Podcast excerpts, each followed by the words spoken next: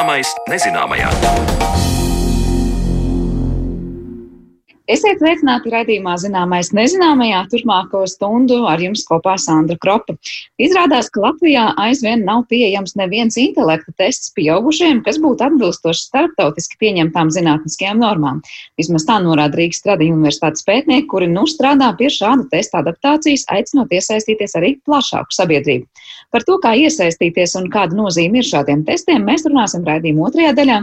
Taču pirms tam pievērsīsimies jautājumiem par miega ietekmi uz cilvēku emocijām.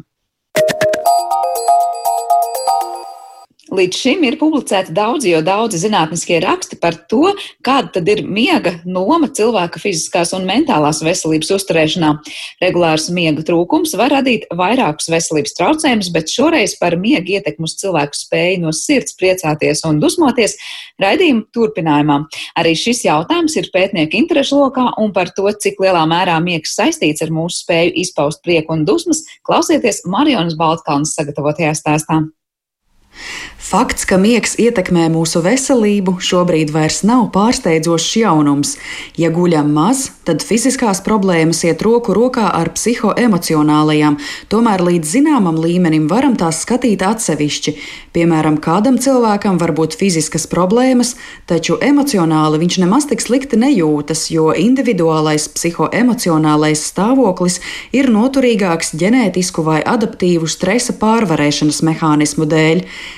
Miega nozīmi plašāk skaidroja psihiatre, miega slimību centra speciāliste Natālija Bērziņa. To funkciju, kuras regulē miegs, ir ļoti daudz. Un, ja mēs runājam par psihisko veselību un um, psihoemocionālo stāvokli, tad uh, miega laikā mūsu atmiņas tiek pārstrādātas, tas, kas mums nav vajadzīgs, tiek izmests ārā. Uh, to, ko mēs iemācījāmies dienas laikā, smadzenes pārstrādā, lai mēs to varam tālāk izmantot nu, teiksim, tā, smadzenes neatpūšas miegā, bet funkcijas pārveidojas tādā ziņā, ka mēs mazāk pievēršamies miegā kaut kādām kognitīvām analīzēm, problēmu risināšanai. Tas tā kā mazāk iet, bet vairāk tomēr ar atmiņu konsolidāciju, emociju pārstrādāšanu. Mūsu smadzenes, teiksim tā, arī atpūšas daļēji, bet daļēji pārstrādā kaut kādas emocionālas reakcijas. Piemēram, dienas laikā kaut kas ir noticis, kaut kāds tāds psihotraumējošs notikums vai vienkārši tāds ļoti, ļoti svarīgs mums, kas izraisa emocionālās reakcijas. Un miegā mēs šīs emocionālās reakcijas pielāgojam tādā veidā, lai mēs varētu tās izmantot pēc tam liederīgi sev un tā kā, nu, teiksim, tā, tolerēt to stresu, tolerēt to emocionalitātes līmeni un veiksmīgi sadarbojoties limbiskai sistēmai. Un uh, prefrontālajai garozai mēs savu uzvedību nu, kontrolējam atbilstoši tam emocijām, ko mēs saņemam. Un tas ir īstenībā tāds, nu, tāds samērā liels darbs, ko mūsu smadzenes dara. Ja mēs runājam par psihoemocionālo, ja par fizisko, tad to pētījumu tik tiešām ir ļoti daudz un ir pierādīti uh, vairāki traucējumi, kas var būt saistīti ar um, sliktāku gulēšanu, ilgāku laiku. Piemēram, miega traucējumi var um, ietekmēt mūsu imunitāti, var ietekmēt uh, augšanas hormonu izstrādi, nu, kad tas mazāk izstrādājās, jo tas naktī izstrādājas, kad mēs guļam. Uh, arī, protams, tas ir saistīts ar vielmaiņas problēmām, ar glukozes tolerances traucējumiem. Tas varētu būt saistīts. Un interesants man likās arī tas, ka miega laikā izstrādājās leptīns. Tas ir hormons, kas ir atbildīgs par mūsu sāta sajūtu. Un, laikam, leptīns. leptīns jā, un laikam kāds varēja pieredzēt, ka pēc nu, kaut kādām vairākām negulētām naktīm vai vienas negulētās nakts, tā kā nākamajā dienā kārojas kaut ko tādu neveselīgu un gribas vairāk ēst. Ja?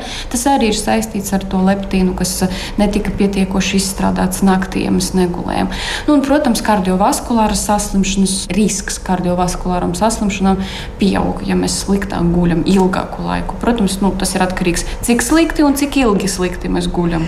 Natālija Bērziņa atgādina labi zināmo patiesību, ka mācīšanās un gatavošanās eksāmeniem pēdējā naktī īsti nestrādā, jo miega trūkuma dēļ nākamajā dienā būs daudz grūtāk koncentrēties.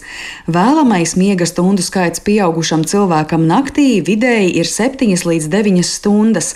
Ir cilvēki, kuriem patiešām nepieciešams mazāk miega, viņu kognitīvās funkcijas un fiziskās spējas ir labas, taču šādu gadījumu ir retāk.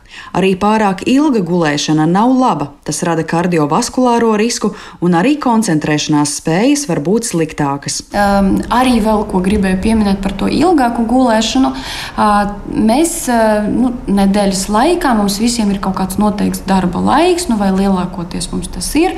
Parasti tas ir rīts, un uh, uz brīvdienām sakrājās tāda sajūta, ka nu, nu, tagad es izgulēšos brīvdienās. Tagad es dabūšu savu miegu atpakaļ. Ja? Bet tas īsti nu, teiksim, tā pareizi nav. Ja mūsu smadzenēm patīk struktūra, un tas, ka jūs gulēsiet, piemēram, tās savas desmit stundas brīvdienā, Svētdienas vakarā un pirmdienas rītā atkal būs tas pats stāsts, un jums būs grūtāk eh, piecelties. Nu, tas iet pa to apburto loku. Mm -hmm. un, eh, tādēļ ir labāk izveidot savu tādu optimālu gulēšanas laiku septiņas dienas nedēļā. Mm. Labi, un tad es vēl gribēju vairāk pievērsties šai tieši psihoemocionālajai pasaulē. Jautājums, kāpēc tas miega bats, miega trūkums tik ļoti pastiprina to, ka mēs daudz asāk reaģējam reaģējam uz kaut kādiem negatīviem notikumiem, stresa faktoriem, spriedzi attiecībās. Tas ir saistīts ar kaut ko, ko smadzenes izdala. Kas tieši notiek smadzenēs? Pētījumos ļoti uzsver to, ka tieši REM, jeb Rapid Eye Movement Sleep, kas ir ātrā acu kustību miegs, tieši tas ir saistīts ar psihoemocionālo stāvokli, ar emocionalitāti, ar emociju pārstrādāšanu un izpaušanu. Un pētījumos bija pierādīts arī tas, ka, ja mēs slikti guļam, tiek traucēta emociju teiksim, tā, nu, producēšana, veidošana veidošana, gan arī emociju kontrolēšana un izpaušana. Tātad limbiskā sistēma ir tā sistēma, kur mums veidojas emocijas. Tālāk šīs emocijas izpaužas un tad pieslēdzās prefrontālā garoza, kas ir pieres daivas smadzeņu garoza, un tā kontrolē. Tas ir mūsu tāds, tāds kontrolieris, tur ir morāle, ētikas principi, pieņemta un nepieņemta uzvedība. Nu, un atbilstoši tam mēs izpaužam šīs emocijas. Ja mēs sliktāk guļam, REM miegā var redzēt arī to limbiskās sistēmas aktivāciju. Un nākamajā dienā limbiskā sistēma ir pāraktivēta. Tas nozīmē, ka tur ir pārāk intensīva darbība, un mēs reaģējam uz apkārtējiem stimuliem pārāk asi. Teiksim, mēs pievēršamies kaut kādām nesvarīgām lietām, kas pēkšņi mums paliek svarīgas, un viss pēkšņi paliek svarīgi pēc negulētās nakts, un tas viss rada emocionālās reakcijas pārsvarā ar tām negatīvām izpausmēm. Un, uh, arī pētījumos to mēģināja pierādīt, rādot kaut kādas bildes, kas ir neitrālas, pozitīvas, negatīvas, un lielākā aktivācija bija tajās negatīvajās un neitrālajās bildēs cilvēkam pēc negulētās nakts. Tā kā pēc būtības mūsu emocionālās reakcijas kļūst asākas un vairāk negatīvas tādēļ, ka tiek pāraktivēta limbiskā sistēma no slikta miega, ja nepietiek nu, tā REM miega. Tāpēc mēs, piemēram, esam dusmīgi pilnīgi aizkaitināti. Ja? Tur var būt dažādi. Protams, ir arī starp citu izpētīts, ka ir um, dzimuma atšķirības. Sievietes ātrāk rēģē pēc negulētās nakts, asāk nekā vīrieši. Protams, viņi arī, bet bišku vēlāk viņam tas pieslēdzās. Mums vairāk ar tādu raudulīgumu, aizkaitinājumu, tā, tā kā trauksmainību, nemieru. Vīriešiem arī tāda tā vairāk tā agresija, dusmas, un, protams, arī ir uh, izpētīts, ka arī pāro attiecības, kā jūs arī pieminējāt, īstenībā cieši cieši no tā. Jo uh, interesants fakts ir, ja piemēram cilvēks negulēja, tad ne tikai šim cilvēkam, kurš negulēja, rodas teiksim, tā, izpratnes trūkums par cita cilvēka emocionālo stāvokli, kā nu, mm, empātija. empātija. Ja? Mm. Bet viņa partnerim, kurš gulēja labi, viņam arī rodas empātijas uh, traucējums. Mm. Viņi abi cieš no tā, ka viens, piemēram, neguļ. Protams, nu, es nevaru kā psihiatrs neuzsvert to, ka miega traucējumi ļoti cieši saistīti ar psihiskiem traucējumiem. Tie ir gan simptoms, gan arī riska faktors. Ja kāds, piemēram, neguļ ilgāku laiku, tad ir risks, ka var rasties trauksme, depresija, vai arī, ja cilvēkam ir depresija, viņam kā simptoms ir miega traucējumi, ja bezmiegs. Ja? Tas arī iet roku rokā un viens otru ietekmē. Bet, principā, nu viss, ko jūs tikko stāstījāt, tiešā veidā arī atbild uz jautājumu, kāpēc mēs daudz mazāk izjūtam pozitīvas pieredzes, jo vairāk aktivēta tiek tā daļa, vai vairāk tie impulsi ir saistīti ar šīm negatīvajām izpausmēm. Tāpēc, piemēram, patīkamas lietas kā patīkamu sārunu, būšanu dabā vai, piemēram, kādu cilvēku apskāvienu mēs neizjūtam tik pozitīvi, kā mēs to izjustu, ja mēs labi izgulētos. Nu, jā, uh, interesanti ir tas, ka, ja mēs sliktāk guļam, tad uh, mums rodas tā saucamā tā kā, um, orientēšanās uz negatīvo, jeb nu, tāda teiksim, negatīva vai pesimistiska apkārtnes vērtēšana. Un, uh, tas ir ļoti līdzīgs, uh, piemēram, depresijas gadījumā. Arī um, cilvēks fokusējas tieši uz to negatīvo.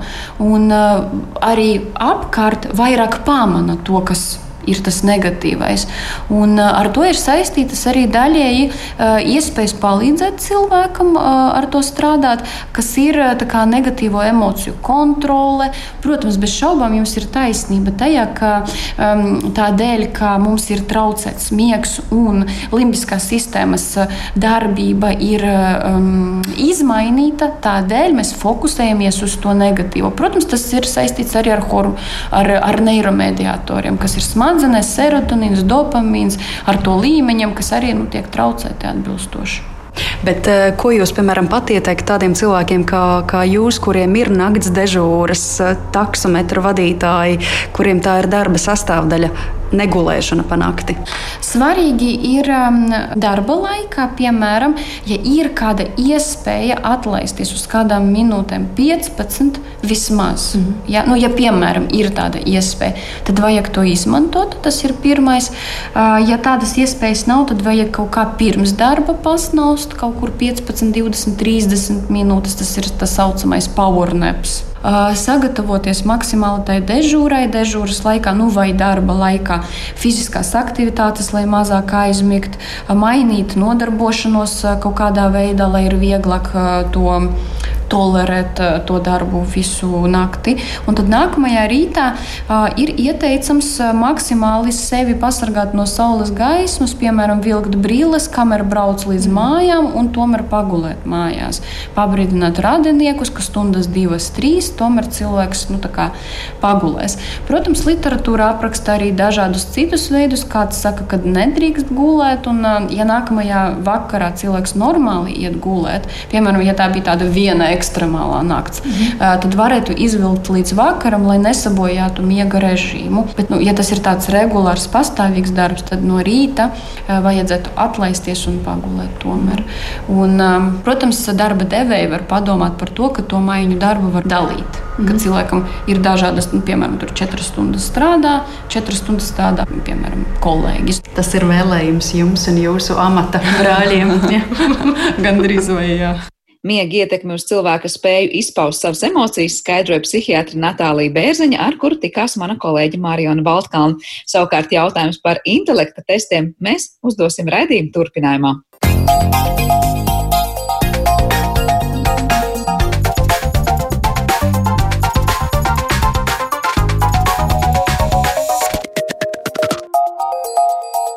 Zināmais nezināmajā. Vai intelekta testi ir kaut kas tik specifisks, ka tiem nepieciešama kāda īpaša latviskošana, un ko šādi testi mums pavēsta, un vai iegūtie dati pēc šādu testu izpildīšanas ir gara drošticami, lai tos kā argumentu varētu izmantot arī pieņemot lēmumus? Atbildes uz visiem šiem jautājumiem mēs meklēsim atlikušajā raidījuma sadaļā, jo mūsu attālinātajā studijā ir mums pievienojusies Rīgas Stradiņa Universitātes psiholoģijas laboratorijas vadošā pētniece Jelena Ļubenko. Labdien! Labdien! Pēdējā laikā mēs esam dzirdējuši arī publiskā telpā jūsu uzstājamies un stāstām par to, ka mums Latvijā, var teikt, tiks pētīti Latvijas iedzīvotāju IQ līmenis, bet īpaši tam tiek adaptēts arī IQ tests. Sakiet, vai tiešām tā ir, ka līdz šim mums nav bijuši pieejami labi atbilstoši IQ testi Latvijā? Mm -hmm. Nu, es negribētu teikt, ka nebija pieejami. Vienkārši šobrīd situācija ir tāda, ka Daži testi, kuri ir bijuši standartizēti, prasa papildus pētījumus, lai pārbaudītu, vai joprojām iepriekš izstrādātās normas ir spēkā, vai tad testu mēs varam lietot arī turpmāk. Līdz ar to esošajā situācijā mums trūkst intelekta testi pieaugušajiem ar tādu esošām svaigām normām. Tādēļ mēs arī psiholoģijas laboratorijā esam pirms gada vai vairāk kā gada pieņēmuši lēmumu e, startēt ar šo pētījumu un, un slēgt līgumu ar um, testa izdevējiem par uh, struktūras intelekta testa adaptāciju Latvijas kultūra videi. Tātad vairāk pētījums ir par to, kā, kā radīt pašu testu, tādu tiešām nevainojumu, vai mērīt vēl Latvijas iedzīvotāju IQ līmeni. Mhm. -huh. Faktiski tas, tas pētījuma mērķis ir atvest un pielāgot mūsu kultūra videi standartizētu intelekta testu, kas jau ir attīstīts un radīts citā kultūra vidē, un piedāvāt psihologiem, speciālistiem tādu drošu instrumentu, ko izmantot savā praksē un, kā jūs minējāt, arī lēmumu pieņemšanas procesā. Jā, par to pielietojumu mazliet vēlāk vēl pavaicāšu, bet man visu laiku nedod mieru jautājums par to, ko nozīmē šo testu adaptēšana Latvijas iedzīvotājiem. Vai nav tā, ka no intelektu mēs mēram par tādām vispārīgām varbūt lietām, kas nav tieši par kaut kādām kultūras atšķirībām, bet kopumā par to, kā strādā pasaule, kā tā ir uzbūvēta un kas tajā atrodas? Mm -hmm. nu, redziet, eh, intelektuālas spējas jau ir ļoti komplicētas. Un nevienmēr pētnieki un zinātnieki, speciālisti spēj vienoties, kas tad ir tāds korekts veids, kā viņu nomērīt. Jo skaidrs, ka, ka tas ir nu, tā parādība intelektuālas spējas, spējas pieņemt lēmumu, apstrādāt informāciju, viņa ir tik sarežģīta, ka nav tādas viennozīmīgas atbildes. Joprojām nav starp pētniekiem. Un līdz ar to mēs ne, nevaram vienkārši paņemt kaut vai ļoti labi izstrādātu instrumentu no vienas kultūra vides un, rupīgi sakot, pārtulkot un uzskatīt, ka, viņa, ka tas instruments tikpat labi der un mēra mūsu kultūra vidē dzīvojušus cilvēkus. E, jo viena no lietām, ko mēs e, mēram intelekta testā, ir tā spēja apstrādāt informāciju. E, spēja operēt ar dažāda veida stimuliem, pieņemsim arī verbāliem stimuliem, izprast vārdu nozīmi, izprast likumsakarības, izprast kaut kādu pārnesto nozīmi. Un nereti tas, kas tiek izprasts un um, izanalizēts vienā kultūra vidē, um, ir um, darbojas citādāk pie mums, pieņemsim, Latvijā, ja mēs ņemam tieši mūsu kontekstu.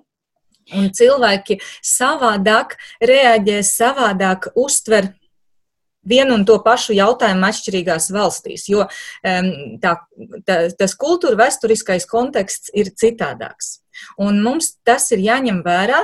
Līdz ar to faktiski testa adaptācijas process lielākoties ir par to, vai e, jau gatavi pielāgoti jautājumi vai uzdevumi, kas strādā labi vienā kultūrvidē, līdzīgi strādā arī citā kultūrvidē tā teiksim, vai vienkārši jautājumi, ar ko pārsvarā tiek cilvēki Vācijā, Anglijā, Amerikā, ir tikpat viegli uztverami vai tikpat viegli ar viņiem tiek galā mūsu iedzīvotāji.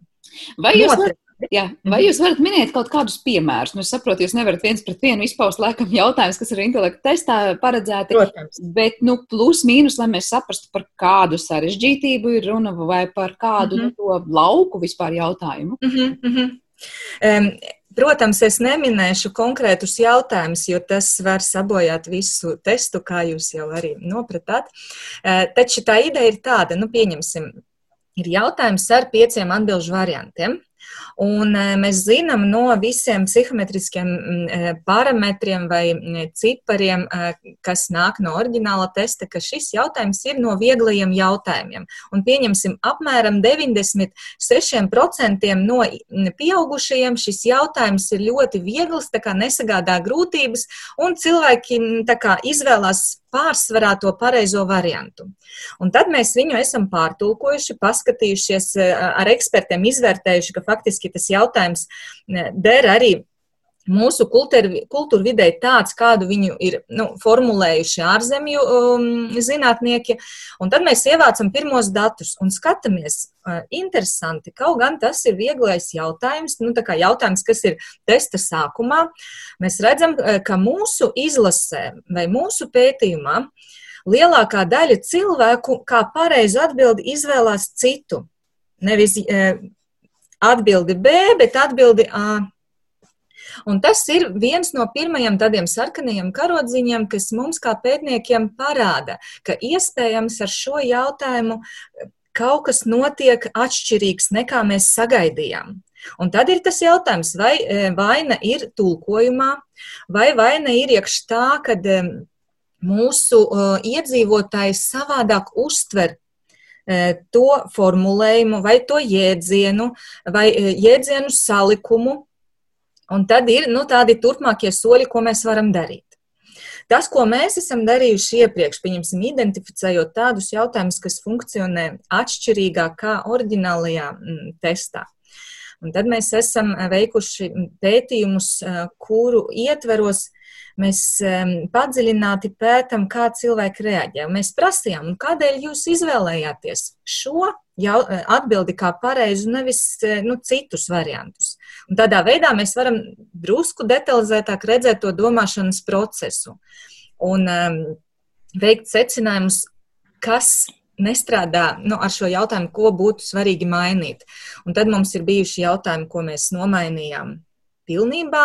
Ir bijuši jautājumi, ko mēs esam nu, precizējuši, varbūt nomainot kaut kādu formulējumu vai pamainot akcentus, kas ir salikti, pieņemsim, verbālajos jautājumos.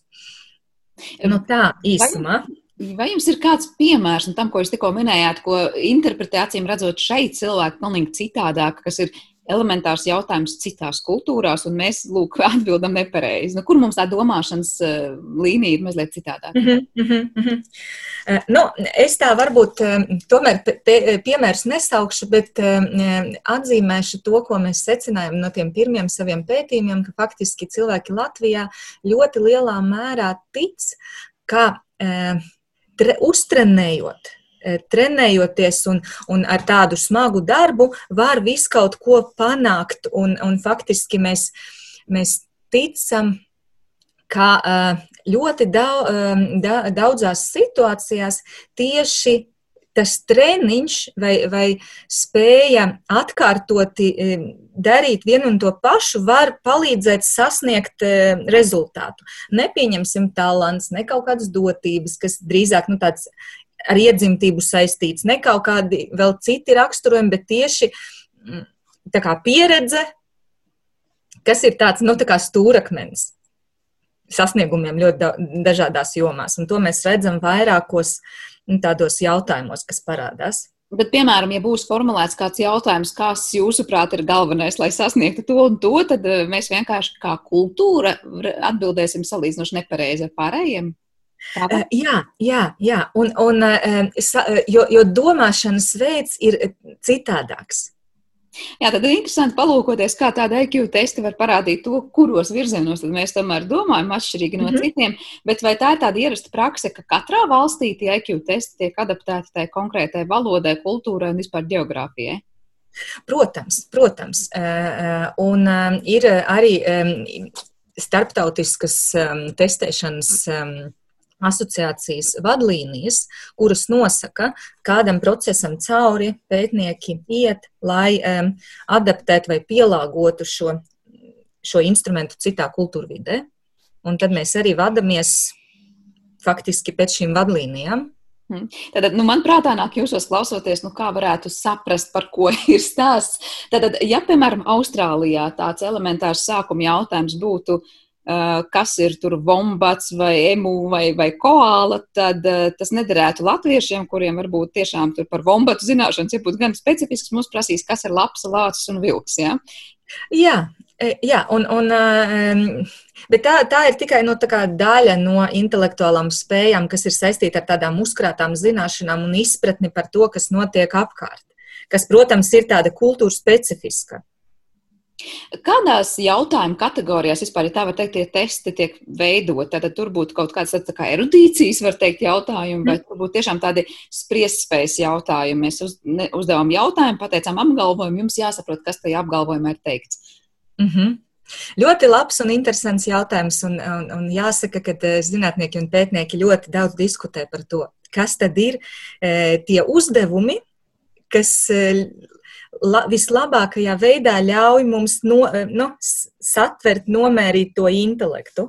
Un tas lielākoties ir um, balstīts uz um, teorētisko pamatojumu vai uh, teorētisko izpratni par to, kas tad veido uh, intelektu un, un uh, kas tās intelektuālās spējas ir, kā viņas izpaužas.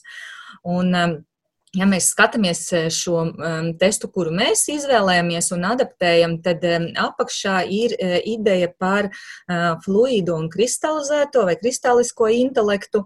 Uh, un um, viena veida vai fluīdās spējas ir tās spriešanas spējas un spējas ātri apstrādāt informāciju, pieņemt lēmumus, um, veikt secinājumus, balstoties uz tādu loģisko domāšanu, kas nav tik lielā mērā saistīta uh, ar tādām zināšanām, kuras ir um, iegūtas dzīves laikā, bet drīzāk tādas iedzimtas spējas ātri uh, operēt ar informāciju un pieņemt lēmumus. Un uh, otra daļa testa ir saistīta ar um, zināšanu, um, zināšanām, uzkrātām zināšanām, kā jūs teicāt, tā, tiem, tie būtu tādi erudīcijas jautājumi un jautājumi par to, ko cilvēks zina par vēsturi, par matemātiku, par, um, par kaut kādiem notikumiem, par valsti, kurā, kurā viņš dzīvo un tā tālāk. Uh, Un, eh, protams, ir arī cita veida teorijas, kas, ehm, kas nosaka to, ka, kā tiek mērīts intelekts. Un ļoti interesanti arī vēsturiski skatīties, kā tas mainās un, un, un kāda, kāda veida intelekta testi ir bijuši un, un kā viņi attīstījušies līdz mūsdienām. Tad var teikt, ka tādā intelekta testā tiek salikts no visa mazliet kopā. Tātad, lai mērītu to intelektu, mm -hmm. nu, dažādas, ko jūs jau tikko minējāt. Uh, jā, jā, un, un uh, bal, um, ne no visa mazliet, bet uh, tik daudz, lai aptvertu uh, to komplicēto intelektu, balstoties uz šo teoriju, uz kuru, uz kuru tiek pamatots tests. Par to pielietojamību runājot, nu, parasti cilvēkiem liekas, ir vienkārši interesanti uzzināt to savu IQ mm. līmeni, un parasti, protams, katram gribas padižoties, kuram nu, tas ir augstāks. Kur ir tā praktiskā pielietojamība dzīvē šādiem intelektu testiem, un kur patiesībā tie strādā ikdienas, un mēs pat par to varbūt neaizdomājamies? Mm -hmm.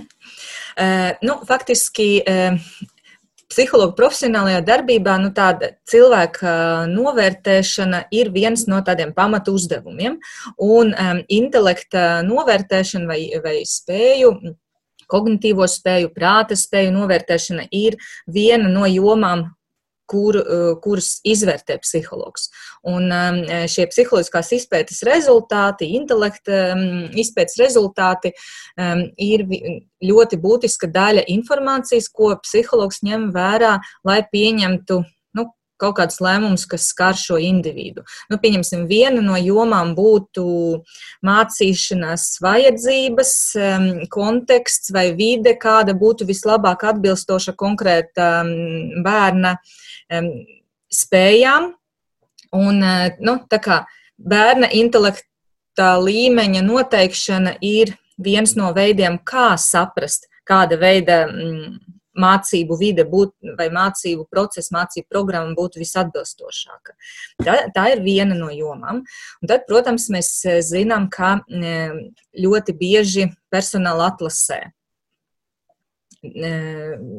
ir mērķis atlasīt visatbilstošāku kandidātu ar eh, atbilstošām spējām, un uh, intelektuālas spējas ir bieži vien viens no kritērijiem, kas uh, darba, ņem, darba devējiem mm, ļauj sašķirot vai paraudzīties uz darba ņēmējiem, kā, nu, kā, kā uz cilvēkiem ar atšķirīgām šīm spējām. Uh, Un ir tādas profesijas, kur nu, intelekta, šie intelekta rādītāji ir ļoti no svāra un ļoti lielā mērā tiek ņemti vērā.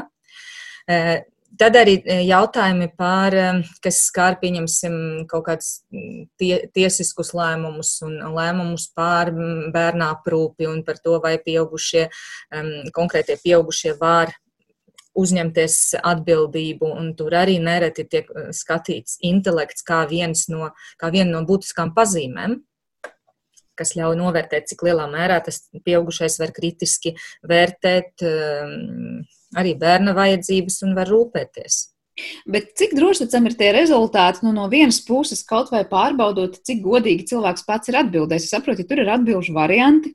Nu, mm -hmm. Normāli, ka katrā testā pastāv iespēja, ka cilvēks pat nezinot, kā teikt, uz dullo ir salicis atbildes, un tās ir izrādījušās pareizas, un viņam tas IQ līdz ar to ir augstāks. Vai pašā testā ir tie saucamie testēšanas jautājumi, kur, proti, ja tu vienreiz atbildēji, kā saka, uz dullo pareizi, tad otrais noteikti iekritīs? Mm -hmm.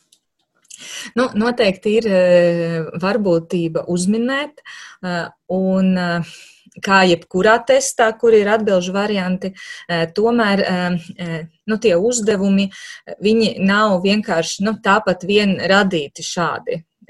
Tas ir tāds garš process, kā no, no ļoti liela daudzuma dažādu uzdevumu un jautājumu tiek atlasīti tādi, kas vislabāk ļauj prognozēt arī pēc tam tos rezultātus. Viņi jau īpaši ir atlasīti šie uzdevumi.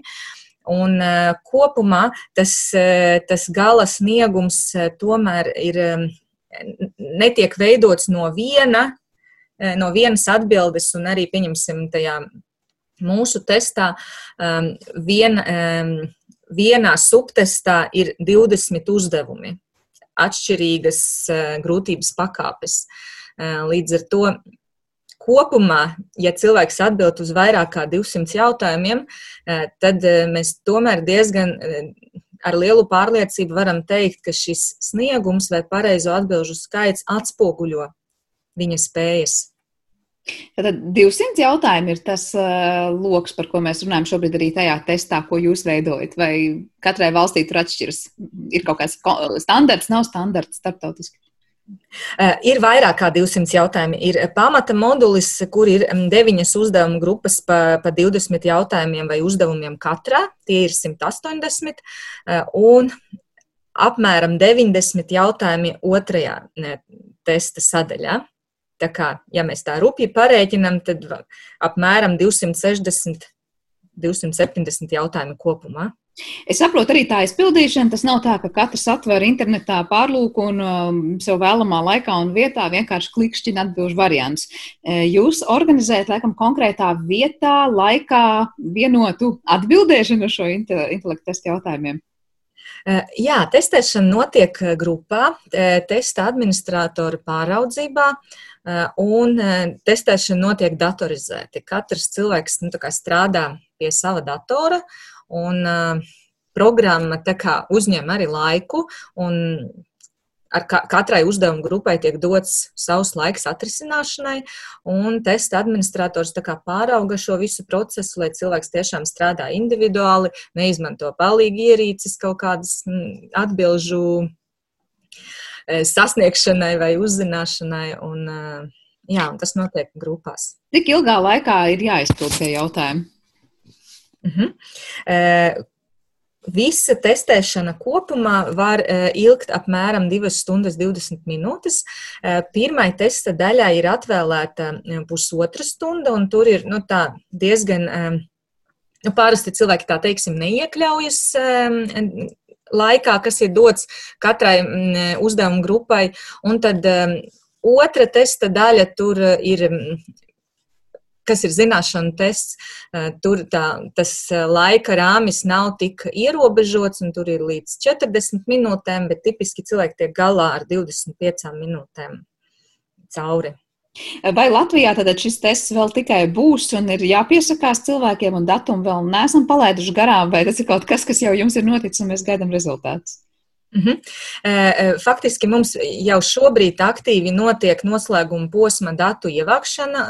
Tā kā ar 16. septembri mēs esam sākuši intensīvu mm, kā, testēšanu un eh, ļoti, ļoti lielā aktivitāte un, un interese no iedzīvotājiem, par ko ir liels prieks un tiešām liela arī pat, pateicība.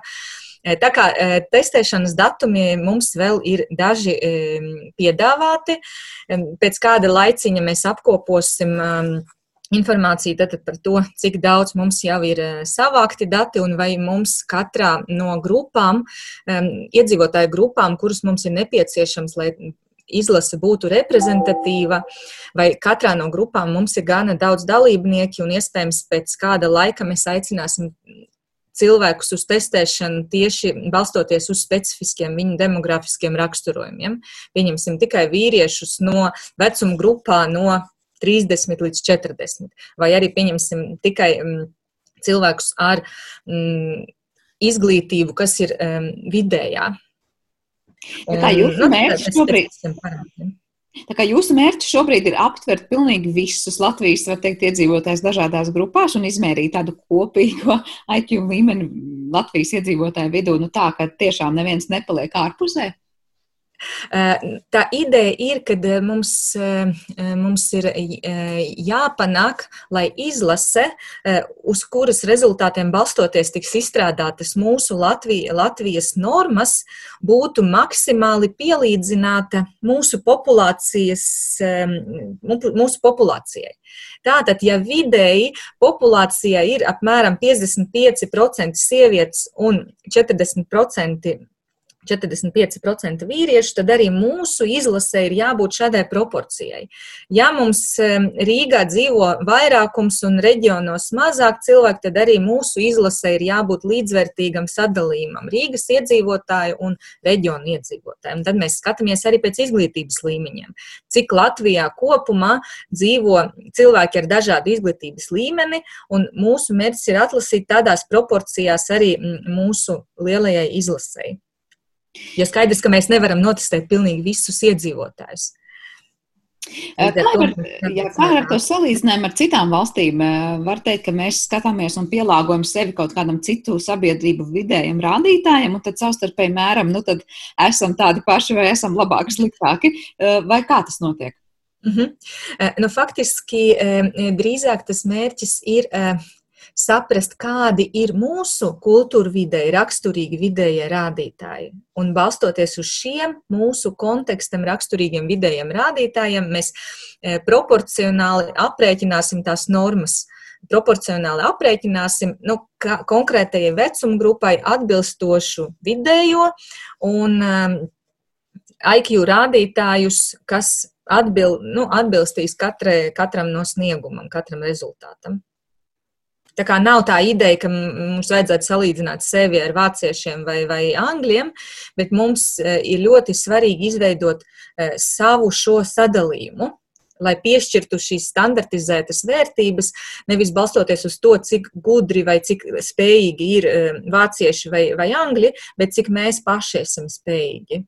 Kad mēs varam gaidīt šos rezultātus? Aha. Tas ir ļoti labs jautājums, un, un mēs ļoti ceram, ka uh, gada, uz gada beigām mums uh, jau noslēgsies šis uh, pēdējais pētījuma posms, un būs jau veikti aprēķini. Nu, tā kā ideālā gadījumā tad, tad, tad 2001. gada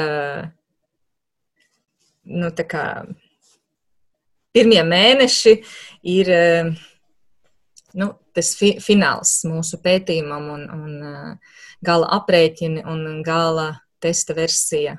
Tā kā gaidīsim ar nepacietību, kas mums būs beig beigās ieraudzīts šajos testos, bet vēl noslēdzot šo sarunu jautājums, cik vispār vēsturiski ir attīstījusies un mainījusies tā, tā maniera, kādā mērīt šo intelektu un cik sen īstenībā tā parādība jau ir populāra pasaulē? Mm -hmm. Nu, faktiski interese par, par intelektu un, un cilvēku spējām analizēt informāciju, pieņemt lēmumus, viņi ir ļoti, ļoti sena.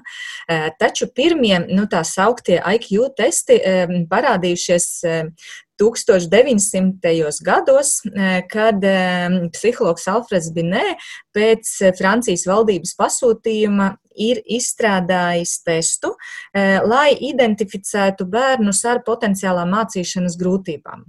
Jo Francijā ir iznācis likums, ka visiem bērniem ir jāiet uz skolu, jāizglītojas, un ar, kā, ar intelekta testa palīdzību mm, pētnieki mēģinājuši identificēt jau laicīgi tos bērnus, kuriem vajadzēs papildus, papildus atbalstu šajā izglītības procesā vai mācību procesā.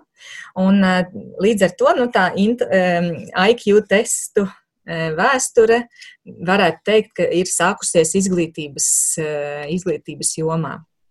Un tālākā attīstība notikusi, jūs teicāt, ir diezgan mainījies tas, kā ir mhm. mērīts šie testi. Kas ir tās galvenās izmaiņas, kas ir notikušas?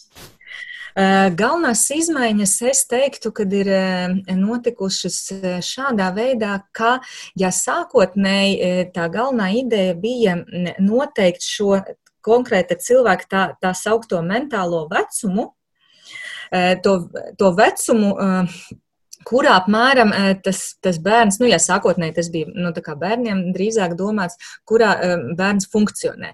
Vai precīzāk sakot, cik, um, cik lielu sarežģītības līmeni uzdevumos tas bērns var um, paveikt.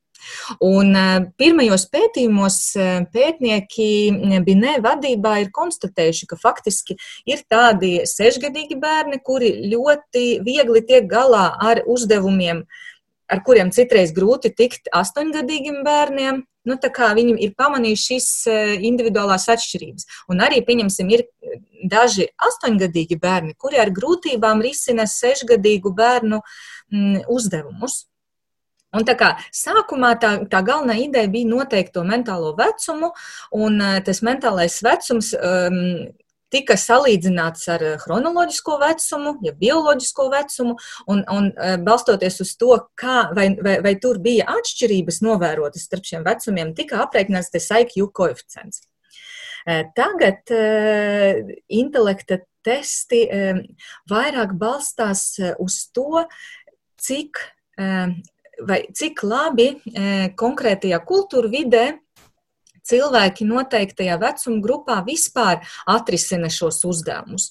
Un, e, un drīzāk mēs skatāmies un mēģinam atrast katra cilvēka un viņa rezultāta vietu um, sadalījumā, kur ir visi mūsu kultūrvidē, um, konkrētajā vecuma grupā um, nu, cilvēki un, un kā šis rezultāts e, tur um, iekārtojas.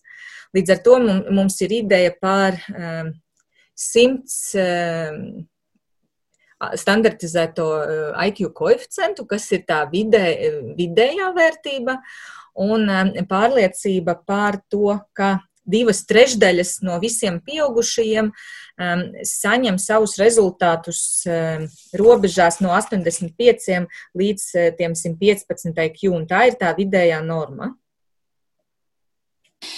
Es nezinu, cik, cik precīzi man izdevās to paskaidrot. Nu, katrā ziņā vairāk kā skaidrs, ka tā IQ testa mērīšana nav tikai stāsts par to, ka atbildam uz dažiem 10, 20 jautājumiem un saprotam, uh, cik nu intelektuāli attīstīti vai neattīstīti esam, tā ir vesela zinātne, kas ir pētījumā iekļaut un nevelti, lai atrastu tos īstos jautājumus, ar kuriem mērīt.